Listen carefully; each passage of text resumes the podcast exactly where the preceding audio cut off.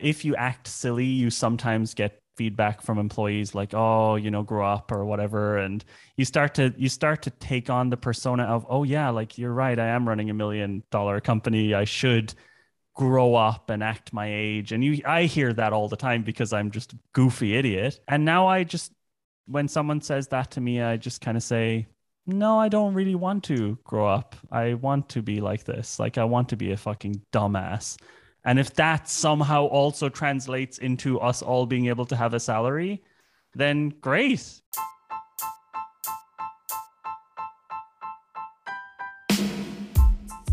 Hey, hello. My name is Maarten Essenburg and this is my podcast Dit leer je niet op school, which is Dutch for This is what you don't learn at school. And in this new episode, I am having a conversation with the one and only Jonathan Courtney, CEO of AJ and Smart. I know him through a couple of courses that I've done uh, as a uh, creative facilitator, and I thought it, it was about time to hit him a couple of questions because he's constantly popping up everywhere uh, with ads. Uh, some people think it's scam, some people think it's annoying, but I know that there are a lot of people all around the world that learned a lot from him and his team at AJ and Smart through the courses that he provides, but also all his content on YouTube and social media that he's sharing about facilitation. I learned a lot from Jonathan the last couple of years, so I'm grateful for that. So now I thought it was about time to hit him a couple of questions to learn a little bit more about him as a as a person, as a father, as a leader of a company. I was wondering what makes him happy in terms of life, in terms of business. Uh, is it truly growing his business? Is it money? What is very valuable to him? What does he, you know, encourage people to do around him as a CEO? And also, um, what is he grateful for? And he also asked me a, a very nice question at the end. So um, I would say uh, go have a listen and enjoy the conversation I had with Jonathan Courtney. Hey, Jonathan, thanks. Uh, thanks for joining. How's life? How's life in Berlin at the moment? Hmm, Is this part of the con- is this part of the podcast? it is part of the podcast. then I'll just stick to business. Um, I'm normally up for talking about that stuff, but not today. Okay, no worries. I know you, but some of my listeners don't know you. Uh, I think it's hard because you pop up everywhere. But uh, can you briefly introduce yourself, Jonathan? Yeah. So my name is Jonathan. Um, I grew up in Ireland, but I moved to Germany when I was 20.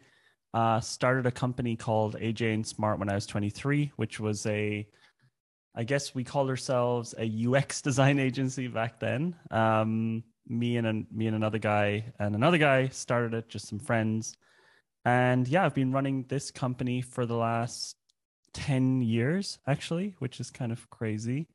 Um, yeah, and it's it's been an amazing journey and um, lots of exciting things happening. And yeah, I guess my job today is CEO of this company, and you know, it, it, it's we are kind of split in two companies now. One is an agency, one is an online education company. So, what do you do as a CEO? I mean, I know you that because I'm in one of your programs. I see you on a regular basis in a coaching call. But what do you, what do you do? How would you explain yeah, that? I think um, the job of a CEO maybe boils down to making sure the company is growing.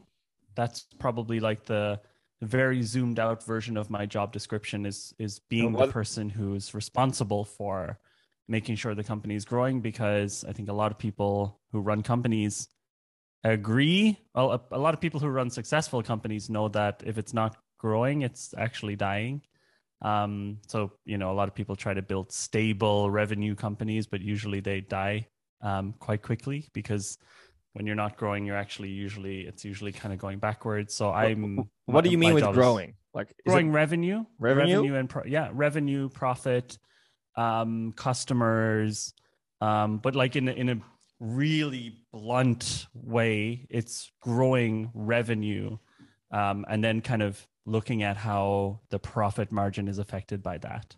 Yeah. And so we've grown every year since year one. Yeah. It's inter- it's interesting. I just had a conversation with another guy right before this call. Uh, we talk about growth and growing within companies, and I believe there's, there are people thinking about growth in a different way. I mean, you could say revenue, that's very clear and blunt, like you say, but a company is much more than just revenue, right? I mean, you have people. no. example. No, I'm Oh. just kidding. Yeah. yeah, of course. Yeah, I mean, then you can go down to like, of course, like you want to make sure the employees are actually growing in their careers. But, you know, those are all kind of soft things in the end. Like what you're trying to do is make sure that people don't quit. You know, like Mhm. that, that you, you can, as a CEO, you can be like, yeah, I just want to really make sure my employees are growing. But no, actually, you want to retain them. You don't want them to quit because if people quit, that affects the company growth. Right. And so my zoomed out cold job is to make sure the revenue is growing and and when the revenue is growing, you're able to give opportunities to the employees because there's more money to pay them more money to grow their careers. And so yeah, that that in the end is what I take on as my responsibility. Yeah. And where did you get that insight? And when was it? Uh, what the insight that a company needs to grow? Yeah. Mm, well, first of all, it was instinctual. It just felt like a video game. I wanted it to grow every year, or else I would get bored.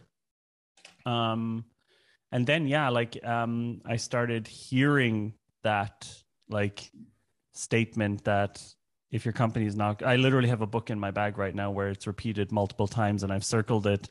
Um, that there's no such thing as a stable state. You're either growing or you're dying. Um and i just believe it. I think like nobody wants to work in a company. Nobody good wants to work at a company that is shrinking or stable. And our employees don't want to work in a company like that. And i don't want to work in a company like that. And so even if i would decide let's stabilize things people would just start quitting because they'd want to go somewhere where they have a future Mhm. so it's actually just logical Mhm. and obvious that a company should grow every year, but our employee count doesn't grow every year. Like we were our biggest size in 2017, 35 people. Today we're about 22 people, but double that revenue. It's just shitty management from my side and Yeah. I've just gotten a bit better at figuring out how to make money and yeah, I think I really think any company that's not growing, people just don't want to work at that company. Hmm. People who actually care about their careers don't want to work at those companies. Yeah. It makes sense in a way, I would say. I mean, a tree grows, for example. So it, doesn't stop growing. I mean, everything grows in a way. So this should grow. It's like the natural human state, I guess. Yeah, maybe. Yeah. Hey, Jonathan, um, I'm always very curious about misconceptions about people. I mean, uh, I back in the, like the other day, I was talking about someone who who didn't know you but joined Workshopper Master lately, and he called me up, a Dutch guy, and he said like, uh, "Yeah, I saw this guy in my feed on Instagram in a commercial, and then I felt like very like." Hey, you're you're my type of guy. I want to know about you. That's basically what you do with these ads. But what have you heard, let's say, last couple of years of people saying about you that you think is like like a total misconception? Hmm. I'm in a lot of ads and I'm in a lot of YouTube videos. So Mhm. a lot of people, um, you get a lot of comments on those ads. You know, like I think the it's really like What is the what is the weirdest comment you you've I don't know. People always comment on my physical appearance. Like they they talk about my beard being shit or my hair being shit or my having glasses. Like so, there's a lot of uh, physical comments. But yeah, like I guess misconceptions. Um, I don't know. Like I mean, I think anyone who doesn't know you and talks about you generally is like wrong about who you are and Yeah. don't pay so much attention to it obviously i've had people saying oh this is just a scam or something when they see ads from us like oh this guy's a scammer um i would consider that to be a misconception Yeah. but i also don't really care like Yeah. i don't really care what people misconceive about me Did you have that for when you were a kid as well, or this is something that is being developed what that you don't care about what people think about you? Oh, I mean, I do care what people think of. I mean, it affects me emotionally, and I get and like so. I I tell the team don't send me the comments from YouTube and Mhm. uh, from Facebook because then I don't want to do the ads anymore. Um, but I know. I think as long as I know what I'm doing is good, Mhm. then I don't care what other people think. So like I think that's a common thing. When I started when we started on Instagram or when we as a company decided to not focus on UX anymore and move towards sprints and strategy, a lot of people were. I mean, if you go to our if you go to our YouTube and go to our comments when we switched over from UX design to more facilitation stuff, mm-hmm. you'll see really shitty comments from people saying, "Oh, what this channel is pointless now. This guy's an idiot. You had a really good audience, and now blah blah blah." And I look at that and I just go, "Yeah, well, this person doesn't know what we're doing, and yeah, exactly. I don't care. Like, I literally don't care at all." Yeah. I guess if somebody, the thing that sometimes gets me is like someone will say, oh, this guy's an arrogant bastard or whatever, just because of the way I come across um, in video. And people who know me personally wouldn't say that. No, exactly. Uh, I guess that sometimes annoys me, but mm. yeah, I, I, do care what people think. I'm a total, like, totally, I overthink all of that kind of stuff, but I just try to not expose myself to people uh, too much because I think one of the things that's really important I I try not to expose myself to naysayers too much. I think a lot of people think it's really clever to be critical and to be like the devil's advocate all the time. Mm-hmm. Um, I have the opposite opinion. I think people who are like that are just taking the easy route, and it's harder to be enthusiastic. It's it's more difficult to do what I do, which is, hey, facilitation is the next big thing. I'm going to go all in on it, and I'm excited about it, and I'm going to do this. And of course, every single person I know, including people in the company, are like, John, that's stupid. That makes no sense. But I just have this yep. thing within me, which is like, well, let's prove, I'll let, let me see if that's correct or not correct by trying it. Yeah. I think my job is to be enthusiastic and to drive things forward. And I don't care about the people who try to stop me doing yeah. that. Basically. I recognize what you say. It's sort of like a pattern. You can see that in you can see that everywhere where people actually fix stuff or do stuff. These people are you could say you're saying you have nay, sayers and naysayers. So yeah. people, it's very easy to say nay, but it's most very people say nay. Most people say nay, but it's very hard to say yay. I used to think it was very clever because of having lots of coaches. I used to think it was very clever to surround myself with people who were always saying no and always questioning everything because other people would tell me I'm supposed to do that as a CEO. You're supposed to be surrounded by people who question everything and blah blah blah. Um, in the end, when I did that, what it turned out to be is that I would never get anything done because I would have an idea, and then, for example, starting workshopper.com. Of course, there were people in my inner circle back then who would say, oh yeah but that like what if workshops are not actually the next thing or like uh, what if this cheapens aj and smart and what if blah blah blah what if what if what if what if what if yeah. what if in two years uh, the revenue of this effect and and, and yeah, yeah. i just end up in these fear, fear. conversations yeah. yeah. but it's like yeah cool when we get to it we'll solve it yeah, and that's exactly. my approach yeah now i would say the leadership team you know people like laura and sarah it's not that they just nod and agree with everything I say because they're very smart people who run the company. It's just that they they're rather on board to try something, see if it works, and if it doesn't, fine, it didn't work. We'll find something new. But then you at least try. Yeah. At least we try. So let's yeah. let's go to let's go to the making part. So let's say I mean, you're in in my opinion, you're a maker in a way that you you make products, you sell yeah. them, you you you in your agency part, you definitely help people making products or whatever but in the the educational you call it the educational part department? We just call it, it workshopper. Okay. At workshopper you make stuff and i'm curious when do you decide to make stuff? For me the kind of all through my life i like to make things. I like to make something from nothing and try to get people excited about it. Um, that's just something i like to do. It's fun but when do How, you decide to actually yeah, execute? There's no there's no um there's two I guess there's two approaches. One is desperation.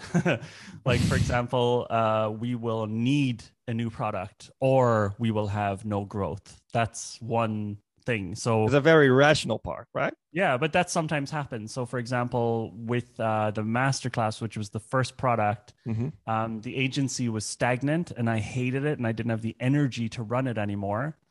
And I had to think of a new way to make up a million euro, which maybe wasn't going to come in. And so the online course was like an obvious, easy answer to it. Like a cost. And so Right. that, Yeah. yeah. it's like, let's do that. So that was that was that. And actually the product there or the idea that I brought to it, I think, which was more my the special thing I brought to it there was actually the marketing approach. I decided to go for a direct response marketing versus normal uh, marketing that you normally see people Mhm. selling um, agencies selling stuff with. So I went for like a very hardcore, very different marketing approach that But really. What made up- you decide doing that? I mean, it I was just a, got excited by it. Okay. honestly, it was not. Did you I see someone doing it?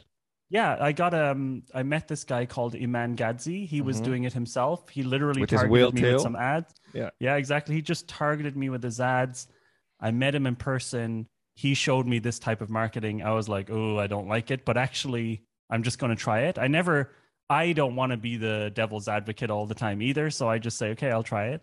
Uh, and it worked, and I found it very exciting. I like the energy of it, even though it seems scammy. Um, I like the vibe, and then I started reading all of Russell Brunson's books. I really Mhm. liked him, even though he's exactly the type of person I normally would not like.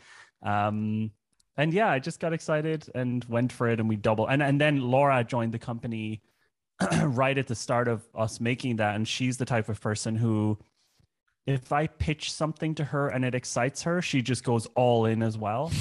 And so the two of us just bounce off each other and get each other super excited. And so we both started Workshopper and just decided to go all in on that marketing approach, even though we knew people would hate it, especially people internally at the company would hate it, but also all my friends hated it.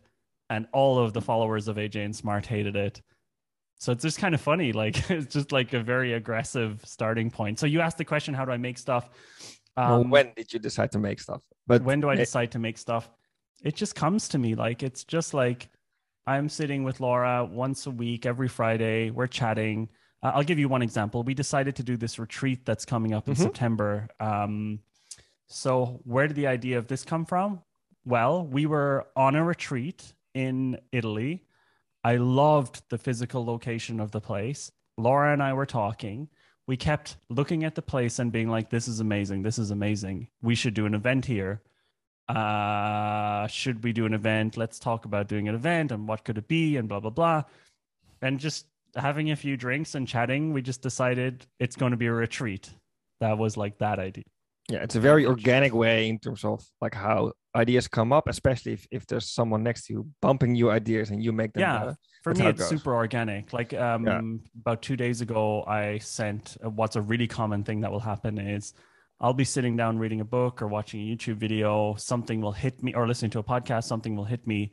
Then I'll send a voice message to Laura saying, "Okay, what do you think about this? This thing we've been trying to think about. What if we did this? I think it could make this much money. What about, what about this, this, this?" And then she'll get back to me and be like, what if we did it this way and this way and this way and this way and that's kind of how ideas come like i guess the biggest product we've made in the last two years is workshopper master Yeah, I want to talk about that. yeah this came about this is interesting this was very iterative so basically we wanted to find what's what is workshopper what's the next thing after the design sprint masterclass and there was a ton of ideas. Should we do a Mhm. strategy sprint course? Um, should we do an advanced design sprint course? Should we do a design thinking course? Um, we actually had one product actually on the wall behind me. The landing pages are there for that product which was actually going to be bundling all of our mini courses and the design sprint masterclass into a product called um, workshopper pro facilitation bundle. Um, then I we got uh then then we basically just kept chatting about it every week. And finally um we it just really slowly came together. And eventually what happened was we were we realized we were talking we we joined this mastermind Sam Ovens mastermind. And Mhm. so he became kind of my mentor. Mm-hmm. um, and he kept talking about like that you know if you have low quality programs and low quality products like people it really fucks with your uh, people's perception of you and then i realized actually these mini courses are really low quality they're actually not good and so what i would prefer to do i remember sitting down watching this at like because it's on the American time zone. I was with Laura and Dom, and we were at like 2 a.m. watching it. And I was just like, fuck, guys, we can't bundle this stuff together. It's actually shit. We need to make it all from scratch. Um, and so what happens then is Laura and I will set a date. And on that date, like literally the date is let's come up with the course. And we'll spend one day sitting down doing like a little workshop to come up with the course. We always get it done within one day. Uh, the name of the course is something that I kind of had a few of them in my back pocket. And that was it. It just kind of p- comes together very quickly and organically once we have a basic idea of what we want to Yeah. do. Maybe it sounds like a rhetorical question because I know how this works because I see this in your situation, but I just wanted to ask you and uh, explain it a bit. Workshopper master. Uh, we're one year down now. I mean, I was in the first group starting in the December 2020, more or less. Yeah. One year down. Jonathan, what's the most valuable insight of one year running WM? well, first of all, it's definitely better than I expected in terms of How come? like I think the results are better than I expected. People are getting better results than I thought. Um, Give it to me. What do you mean with results? people getting more jobs out of it. People posting more um, success stories than I expected voluntarily. And yeah, this thing which this What vision you in expect? my mind. I didn't know if people would believe me that facilitation was going to be a high paid job. People often don't believe that this is a real thing. They think it's Those like a people- fake job. They, those people I know buy- they're idiots. pro- and they don't buy your product, right? I know, but still, like I, I still, you know, we we go into this basically saying we believe this is the next big thing, hmm but there's no proof besides we've done it. So That's the you validated your own belief with your own exactly, experience, right? yeah, exactly. But I mean the the the fact that people are now really able to join the program. Um, also, like we have people who join who've never done anything remotely like facilitation or workshopping. You can see people joining who are not even in any sort of tech space at all.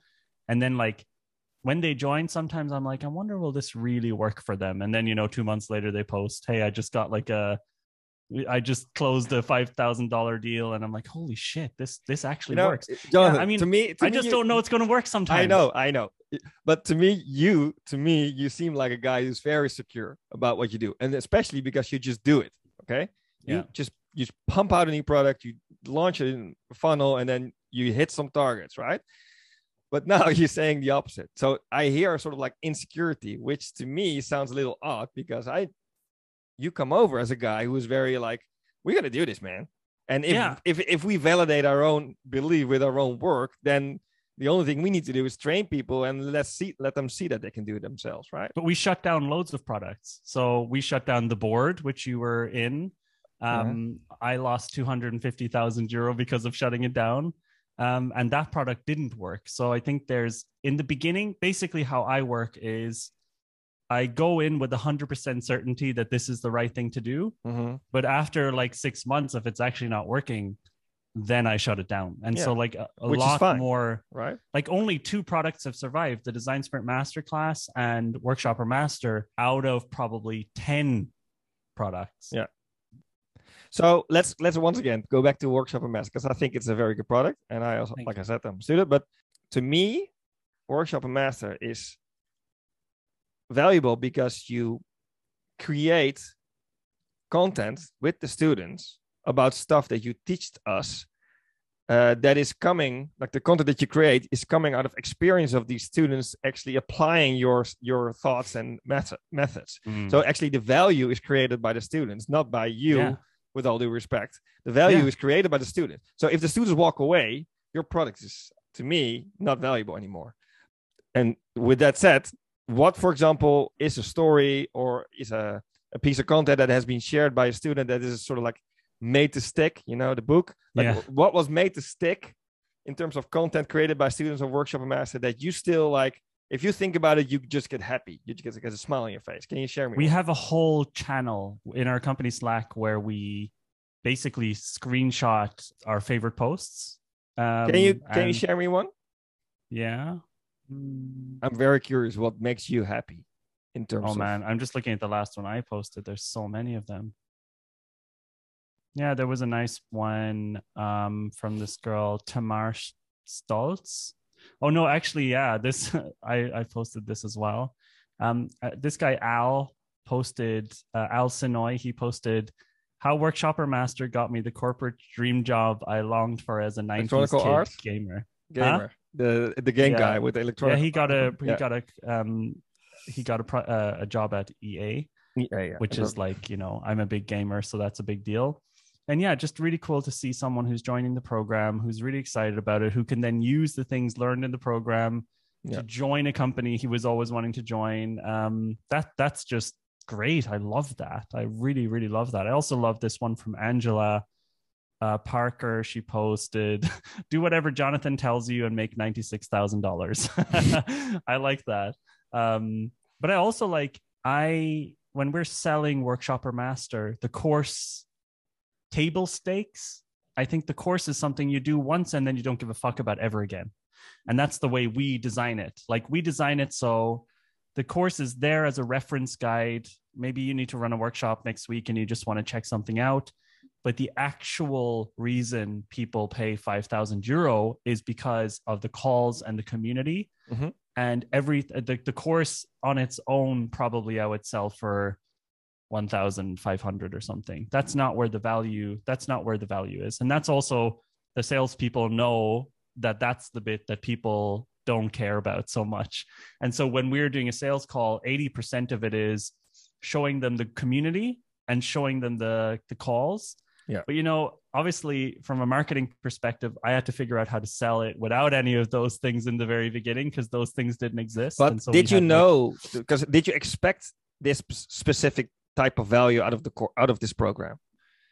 that was what we were aiming for. Yeah. Like it happened it, it worked out better than expected. That's that's the way I would put it. Right. So so one negative outcome could have been that which we worried about was that okay, so us being so bullish on facilitation being a future skill, only we're interested in that and the actual market is very small. And so we're going to have like 200 people in this community and we'll never get anyone else and we'll never get fresh blood in there and then the course will slowly die and will slow, slowly get less interesting for people and so we are just very happy that that has not happened It is still growing. right now we have two full-time salespeople working six days a week monday to saturday and they're working 8 a.m till 9 p.m every night taking calls. If you try to book a call through the vsl or uh, through the marketing thing right now like we our problem right now is we we can't get enough salespeople but we also limit the amount of people coming in per month so that i don't end up on a seven hour coaching call. Yeah, because if you if you say community and you say the community activity or that it's actually the the most valuable part of that whole Yeah. course, then you also say that's what I hear is that's a shitload of work managing that Yeah. community, right? I mean Ryan and Laura and all these people in the, in the Skool group commenting and you know reacting and calling and everything. If that group is growing, you got a problem, dude. No, I think we look at it. We don't look at it as a problem. We look at it as well. Now we get to hire more people, so we're now going to hire enough. Another community manager. Um, we're like, I mean, I, I've the, the the way we test how full the group is and how chaotic it is, is how many people are turning up to the weekly coaching calls. Yeah, and how people are active in the in the Skool group. Yeah, exactly. And the number of people, what's really interesting is people worry, like we also worried, like, fuck, I'm going to have to do two coaching calls per week or three or whatever. But actually, if we bring 30 people in per month, always, it's always not more than 27 people on the call Yeah. every Tuesday. Yeah. Because people who've been in the program for six months slowly stop joining the calls Right. and get like turn up less uh, often. So to actually keep the community alive and fresh feeling, we need to bring in around 30 people per month. Um, and that's the that's the limit we've currently set. Hmm. But we're All right. increasing the price. So we increased the price last week, and that brings down the conversion rate a bit and keeps it possible for us to do lots of calls, but also bring in really high. Yeah. So people. why did you increase the price? because the conversion rate was so high. Okay, so you can make more money, but not that Yeah. you as, as a filter. You don't want to. It's a- it's a fil- semi it- semi interested people in. well, the people who are all well, th- this course is not for people who've never made money from this sort of thing before. So our hypothesis is the best people to bring into this are the people who it's for, and it's people who've already done a little bit of facilitation and Mhm. workshopping before, and they can pay that price for this course. But also the conversion rate is super, super high, and we have to keep the, the number down to 30. And so the Yeah. not like that's how we come up with pricing in general. I was my next question is Also, sorry, sorry. I actually think this program is worth double what we're charging. Like, I think we should be charging twelve thousand euro for it. Um, but I also understand that people would not buy it then but why do you think that it's- that worth? because I can see the results that people are getting. I mean, most people who buy this program who've already done a bit of facilitation, it's like the amount of money that this course makes them back on average, and also how quickly it does it. I should be charging a lot more for it. Yeah, but and Is it also something to do with the money that you spent on mentorship and spend- coaching and we Sam Ovens spend masterminds? crazy amounts of money. on- Yeah, I so I mean, can, I can imagine if you spend if you spend a lot of money on that, you can Yeah. you can imagine that people need to spend money on that too, right? Hmm. I mean, I spend all my money Yeah. to my kids and to personal development. That's it. Yeah, yeah. Well, I would say my what I'm trying to do right now is come up with something better than Workshopper Master that people will pay more for.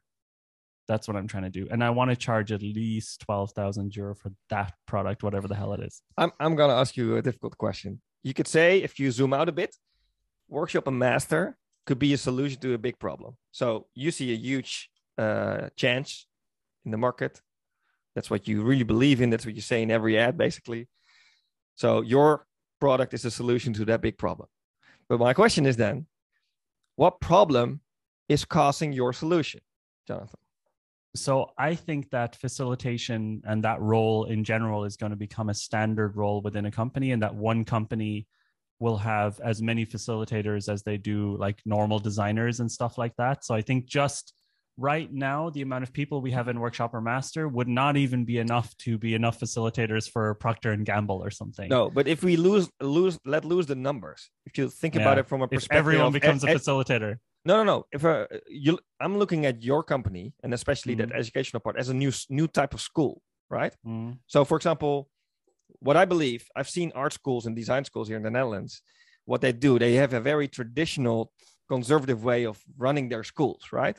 But Yeah. then there's this thing called YouTube, and there's this group of people in the in the US called the Futur. They they are innovating with yeah. the way of on-demand and async- asynchronical education that is actually disrupting this educational system here in the, in the Netherlands and in mm-hmm. the US. So I'm asking about you. You're joining that sort of like flow as well, because what you do is something that is that could have been done by all these, let's say, design schools that people they should people train to facilitate, but they don't do it. I don't know why, because they're they don't No, innovate. because they can't do it. I, there's a really easy answer to it. First of all, first of all, I'm not trying to disrupt anything. I know that other people say they're trying to disrupt the education system, blah blah blah. I'm not. I don't care. I actually enjoyed college. I went to. I did a BA. I did a Bachelor of Arts, and I had fun. I didn't learn anything, but I had a lot of fun. Um, this is. I would say this is not replacing anything like college. This is like to bring you from your salary right now to more financial freedom versus actually teaching you something from scratch. The other thing is, um, yeah, I, I I think you'll never learn this sort of. You can. There'll never be a world where you're going to go to college and someone successful is going to be teaching you something because that's not like people like me don't become professors because I make more money not being a professor. right. And so you just, it's never going to be like that. You're going to be getting a re, like, unless you go to like one of these crazy, amazing schools like Stanford or something. But I'm not saying that I can imagine that you keep it small, keep it simple, and you focus on the people that you know that that could be your target customers. But do you do you never really zoom out and think about what the actual impact is of this new wave of initiatives of courses like you and tons of others? No, no, no, I actually don't care about it. You don't care? I actually don't care at all. No, I don't care. And I know like a lot of my peers talk about it all the time, like Chris Do and Iman Gadzhi, the Yeah. future of education. I actually don't care. And if you look at it from a, a parent perspective, hmm like how do you see your kid or kids learning stuff in the future? I don't like online education as a um a way to really like this is kind of funny. So I spend a lot of money on courses Mhm. and online coaching and all of that kind of stuff. And I get what I need out of it.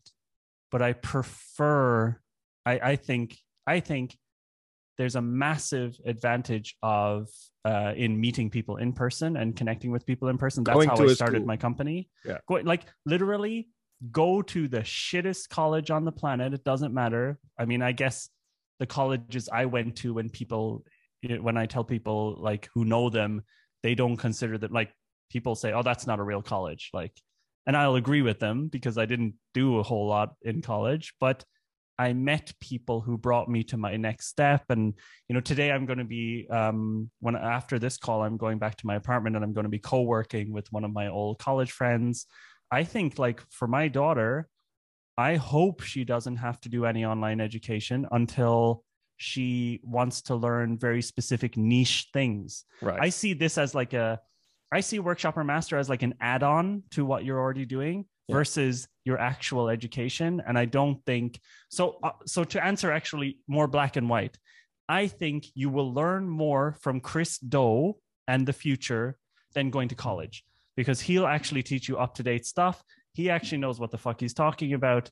A design college is probably 10 years behind. But I would prefer if my daughter wanted to be a designer that she goes to design college, meets people, has fun, has a good time, becomes a good a human, not a good human, but a human, um, parties and uh, gets to know you know what what other people are up to, and then starts working, learns some stuff, and then when she's like, okay, now I want to be like senior, then to get an advantage, I think she should take Chris's courses and be Right. coached by him. Beautiful. Um, yeah, so I don't see these online things. I hate all this online stuff. To be really honest, I hate it. but still, you, it's your core business. Well, people like it, right? Yeah, of people, course, of people course. who are not me, and I Let- see the advantage of it, and I pay for it as well. Yeah. But for example, we are doing the retreat in September because I want to meet people in person. And I saw it coming. It's so good that you're doing it. Let's go to you, Jonathan. I mean, I'm very curious about. I know you a bit because I've listened to your podcast and everything. So I know you like been gaming. in some of our failed courses. I've been in your failed course. I've been in your successful courses. I've been promoting your courses. I've been killing your courses to friends. Yeah, So, exactly. Uh, uh, yeah. So, but about you, what do you, what do you really get pleasure from? Like, what Um, makes you happy? sex. Sex. Okay.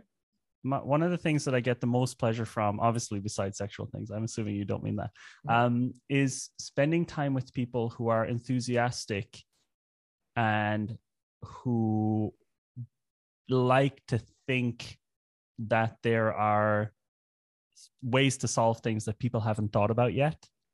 And People with ideas. Mm, I think I like to be the one with the ideas. And I think that I like to be around people who get excited by them and can make them 10 times better. So for me, like that's also why I love working with someone like Laura and why Workshopper is so fun to run for me. By the end of a conversation with her, my entire body is buzzing with energy as if Wow. I've had like five espressos Wow. and then the, so in next week uh we're gonna no, no so the retreat this retreat is probably going to make us about 250000 euro we have no nothing the only thing we have right now as recording this podcast we have the name and the location and the dates that's all we have you got the idea. That's all we That's what you have. That's what you're but selling. so so that's where we have but the, the cool thing is monday we'll start like so the goal is friday in two weeks we're going to launch no thursday in two weeks we're going to launch it to the public. Mhm, hopefully by the end of friday it will complete be completely sold out Sold and we're going to celebrate. Mhm. but monday which is three days before we launch it laura will sit down come up with everything make the landing page create the checkout create the price everything from scratch on monday. And on thursday we'll sell it out uh, hopefully by out this is the thing i find the most exciting is Yeah. like coming up with the copy coming up with what is it Yeah. but with somebody and with a group of people so the team will also be working on it with a group of people who are excited about things and not cynical about things Yeah. because actually you can basically find cynical people everywhere, and that's like the average. No, no, it's quite clear. You you got a team Yeah, around you that really. Yeah. What are you grateful for in such a situation? Oh, oh my God. Grateful. So for first of all, I should say, I think meeting somebody who is on the same wavelength as you is very rare. Meeting a co-founder, meeting someone who you can start a business with is in my opinion like a once every 10 years thing and so i'm always very so i'm very grateful for my co-founder michael who's not at the company anymore Mhm. because he got me to the first like seven years. Yeah. Uh, now I'm very grateful for Laura and Sarah. Sarah runs the consulting business. Laura runs Workshopper uh, because they are one in a million people. Like they're Yeah. the type of people where it's Right. so fucking hard to bump into them. Yeah. Obviously, I put effort in, but What- like what- that's what I'm grateful for that for What's them. the in? What is then if you look at? Uh, it's very positive how you frame this, but what is then your biggest fear? my biggest fears are always like getting su- the company getting sued or making a, a mistake financially and having the the tax authorities getting angry at us or it's like more boring stuff. Um um i i mean i uh, my fear any that like threatens financial stability gives me a lot of fear um because i don't have any backup family wise etc Yeah, yeah. you so yeah like yourself. financial stability is very important for me Yeah. very very very important So if that's Um, very is if that's very important to you, I'm very like this is a question I'm going to ask you right now that is on my lips for a long time to ask you. So I'm now Mm-hmm. I got the chance. If Jonathan, if your dream, like the stuff that you dream about, not talk about and do, but really dream about, could come true, what would that be? What is your ultimate dream that should come true? I actually don't know. I think for me, the I think running this company right now is the best thing I could ever imagine. It's it's way better than I could have ever imagined. So what's the next step? So for me, the I have some quotes that I'm reading up here, Shoot. and I really I really love this one, and I, I really wish I had written the name. Um, it's like some German philosopher, uh, and he said life should be full of moments where there's no place I'd rather be, there's nothing I'd rather be doing, and there's nobody I'd rather be with. And I think if I'm having like one of those per week, I think I'm doing uh, related to work. I think Mhm. I'm really, really happy.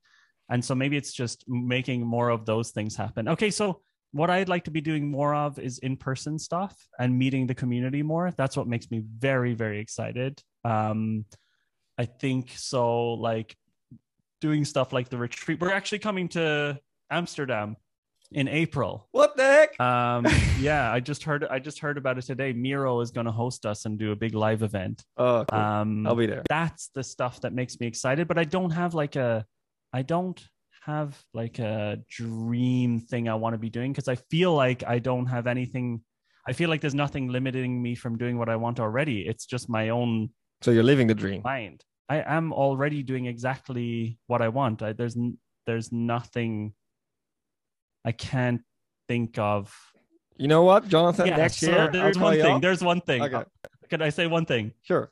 what I don't currently like is that uh so the, a lot of the team is remote and so I get zero energy from that. Um the consulting team is going to stay remote forever, but I think the workshopper team is slowly starting to build back up in the office again also because Laura has realized it's not so pleasant doing everything remotely when it's such a startup vibe. Um, so for me, one thing that's not the way I want it to be is that I come into the office and there's it's a huge office and there's like three people here. Whereas two years ago, the energy was so high, we got so much more done. It was so much more enjoyable. So for me, what I do not like right now is having to have lots of Zoom calls to discuss things. Right. Okay. Makes sense. I Hate feel it. the same. Jonathan, let's let's wrap it up. I'm gonna do a rapid fire with you and then we zoom out. Okay. Yeah? What advice would would you give your 15 year old self? Go to therapy for anxiety. Wow. Okay. What's on your desk, Jonathan? Show me. Oh my god, it's so dirty. lots of drinks, lots and lots and lots of bottles of water, uh, a cup, my wallet, a watch, like pens. Uh, I, I don't think it's a lot of, bullshit. lot of bullshit. I, you should look at my desk. Anyway, next one. what's your what's your number one inspiration source, Jonathan? That's too long. Say something. Probably, probably Laura. I would. I knew you would say a person or people. I knew it. She- she's definitely like a muse for me for sure. Okay. Um, I don't know if you knew, but I brew brew beer, so I'm very inspired by people that come up with new stuff. So I'm I'm curious. Do you still drink beer, and if so, what's your favorite one? I do. I, I'm um my favorite beer I think is Veltins, which is a really boring German beer, which is very easy to drink. I really like that. Cool. What's the book that you're currently reading? You were talking about a book in your in your in your bag at the moment. I'm currently reading 100 million dollar offers by Alex Hormozi. All right, gonna put it in the show notes. Good book or not? I think it's great. Okay. I mean, most people will hate it, but they're just idiots. Um, what? okay, what piece of video content did you sort of like watch with a lot of fun, a lot of smile on your face? Could be a YouTube Yeah. channel or a film or a movie or the, My favorite YouTube channel is called Let's Game It Out. let's game it out. Okay. The the the just even the the names of each video makes me laugh out loud when I read them. I gotta check this out. All right. And what about audio? like podcast? Yeah, or yeah, anything audio related? Well, Maybe it's music. Hmm, my favorite podcast or the podcast that gets me the most excited is actually Marketing Secrets podcast. Um, as in after I listen to that, I feel very excited. Yeah. Um, but I'm also listening to Proof by Kevin Rose, this NFT podcast. I know Right. everyone hates NFTs, but they're fun. Um, and music, I don't know. I just listen to random Okay. shit. Okay. Final question, Jonathan, and then you can dismiss. Oh no, I'm enjoying this. So Okay, cool. you- Yeah. Do you have a question for me? Um, hmm. Do you have a quote that you think is a good? So I'll give you an example. You know this hard conversations, easy life, easy conversations, hard life. Do you have a quote which you regularly bring to mind when you have to make life choices? Definitely. Don't forget to play. Hmm. Yeah, that's good. I see my kids every day constantly in a sort of play mode in their fantasy world. And Yeah. we adults have lost it. Hmm. And I think we should play more because then you come into an energy and actually come up with new ideas to be able to execute new ideas. We should What play sort more. of things can adults do to play more? Dude, it's play. The verb play can be sort of like put in anything. You can play while cooking, you can play while driving, you can play while working, you can play while having a conversation with somebody. I mean, we're playing and we're doing a rapid fire right now. We're doing this is it's a Mm. play. Okay. Yeah, Play is something that we it's underrated. I agree. I totally agree. I, we I should feel like play more. That's my I agree. goal. But you know what? Actually, I think if you don't feel playful, then also it can be a signifier that maybe something is weird going kind of wrong in your life. As in there might be an there might be areas of your life where you feel okay to be playful and some areas of your life where you don't feel okay to be playful. And I think that's sometimes a warning for me that I'm holding back my personality because of something. Yeah. Let's wrap it up. I got an anecdote for you, and I want to thank you for that because it's something that is sort of like a it's a piece of content you could say I created out of Workshopper Master executing stuff. Last week, I did a workshop at a school here in the Netherlands together with a friend, and it was an SDG workshop. Do you know the SDGs? SDG? No. the sustain- sustainable development goals by the UN, the United Nations. 17 goals that been workshopped and put into a piece of paper with 169 targets. That if we all do this, there will be prosperity, blah, blah, blah, blah. Yeah. some people care, some people don't care. But that's very raw, boring information. yeah. But the, the result of executing it could make people happy. Right. Mhm. So we got challenged by, let's say, people that hire us to uh, make it less boring and make it accessible to any type of person within the organization. So what we did, my friend is in, in, in, a, in a technical designer. He designed a game, a card game, out of that data, you could say. And I designed the workshop. And together we put it together and we sold it.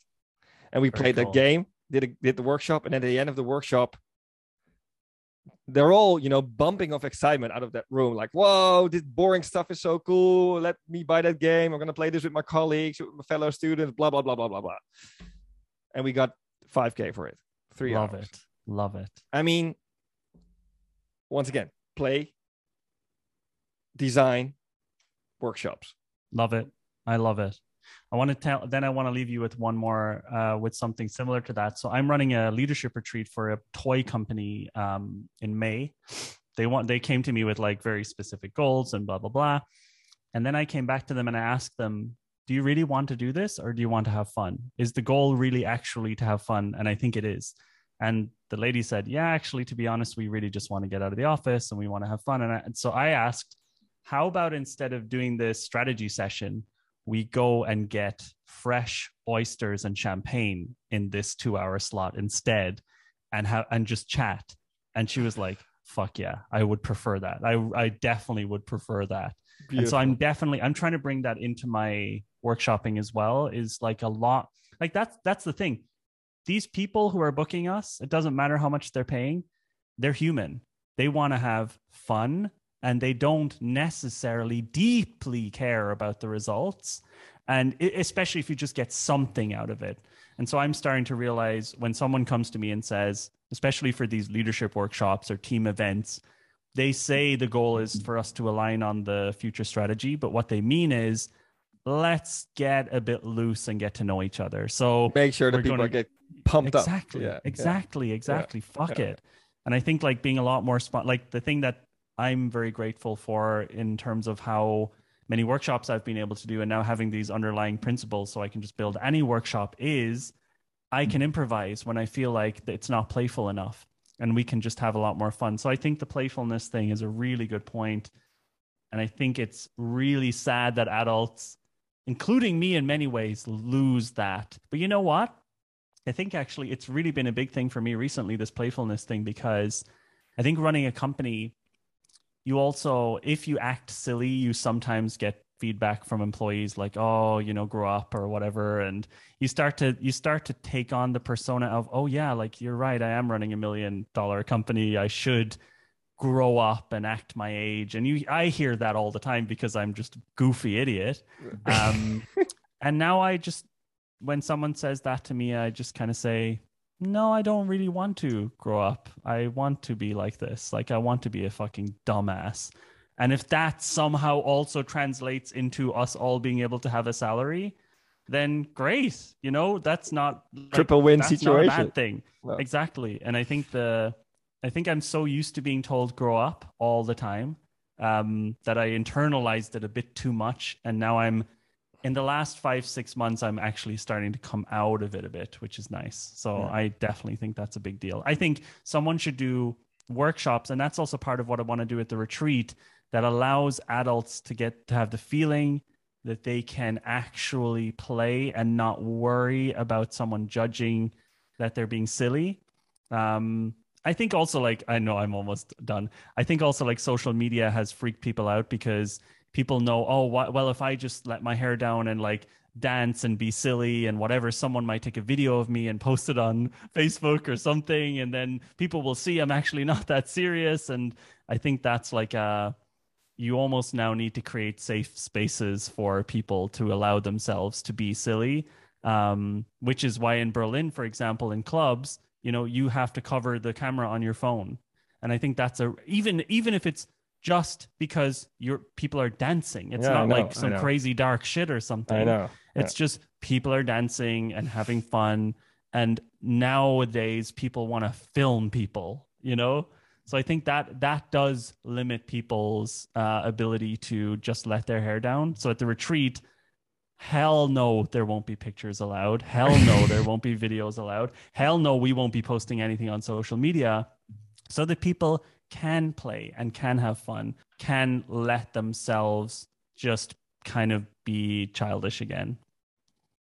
Keep up the good work, Jonathan. Thanks, Thanks a lot. Thanks a lot for Thank your time. Thank you. I appreciate it. I really appreciate you having me on the podcast. I haven't been on a podcast in I don't know, more than a year and a half or something. You were you, were used to sing it out loud, right, with Jake? Yeah. Oh, we're not we're not gonna do that. no, it's too early. It's too early. Hey, take All right, care dude. today. Have a good day, and I'll talk to you soon. All right, Martin. Thanks a lot, Bye-bye. dude. Bye.